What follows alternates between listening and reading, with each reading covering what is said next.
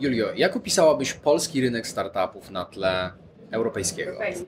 E, w Warszawie, w Polsce i w Warszawie przede wszystkim widzimy, że wyrastamy na taki trochę europejski hub, w szczególności w regionie Europy Środkowo-Wschodniej. Więc na pewno nie mamy czego się wstydzić, jeżeli się porównujemy z Europą Zachodnią. E, oczywiście jesteśmy, jeśli chodzi o liczność startupów, o dostępność kapitału na rozwój, przede wszystkim w tej fazie takiej scale-upowej, jak to się brzydko mówi, czyli dla startupów, które już mają jakiś przychód, na poziomie powiedzmy miliona e, euro rocznie. Troszeczkę brakuje kapitału właśnie na finansowanie tego typu przedsięwzięć, e, ale jest nas coraz więcej, na pewno startupów jest coraz więcej, coraz więcej zatrudniają, coraz szybciej rosną, pozyskują coraz większe kwoty finansowania niż nawet 5, już na pewno 10 lat temu.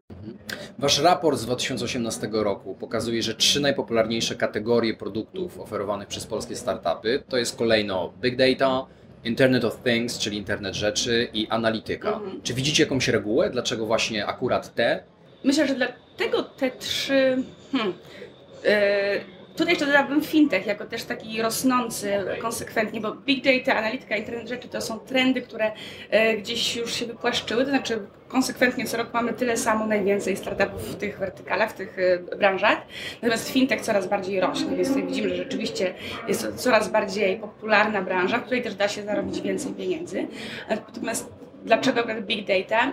Ja myślę, że to wynika w dużej mierze z tego, że startupy w Polsce przesuwają model biznesowy bardziej w kierunku B2B niż takich startupów czysto konsumenckich.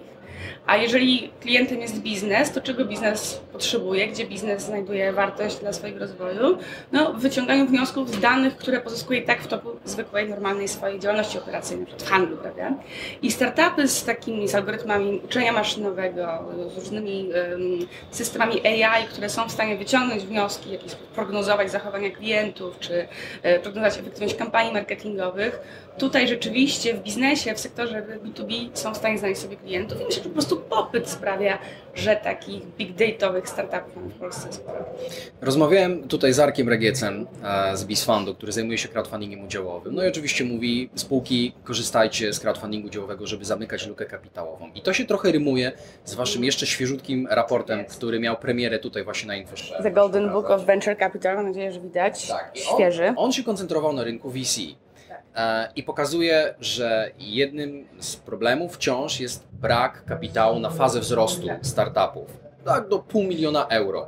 Jak ją w takim razie zapełnić? My widzimy, że ta luka, taka bardzo wyraźna luka, e, jeśli chodzi o finansowanie startupów, e, jest na poziomie tiketów pół miliona euro na startup. No już powyżej pół miliona mało który fundusz w Polsce jest w stanie zainwestować. Jak ją zapełnić? Ja myślę, że powoli ona się zapełnia, e, ale powoli. Dlaczego? Dlatego, że jednak polski rynek finansowania innowacji i startupów jest w bardzo dużym stopniu do tej pory zależny od państwowych programów wsparcia, czyli PFR, NCBR, PARP, e, Krajowy Fundusz Kapitałowy wcześniej. I instrumenty wsparcia projektowane przez te agencje rządowe, one są bardzo mocno skierowane na cel rzeczywiście zwiększenia liczby tych seedowych, zalążkowych firm na rynku. Natomiast nie na rzeczywiście dostarczenie kapitału, tego paliwa do wzrostu.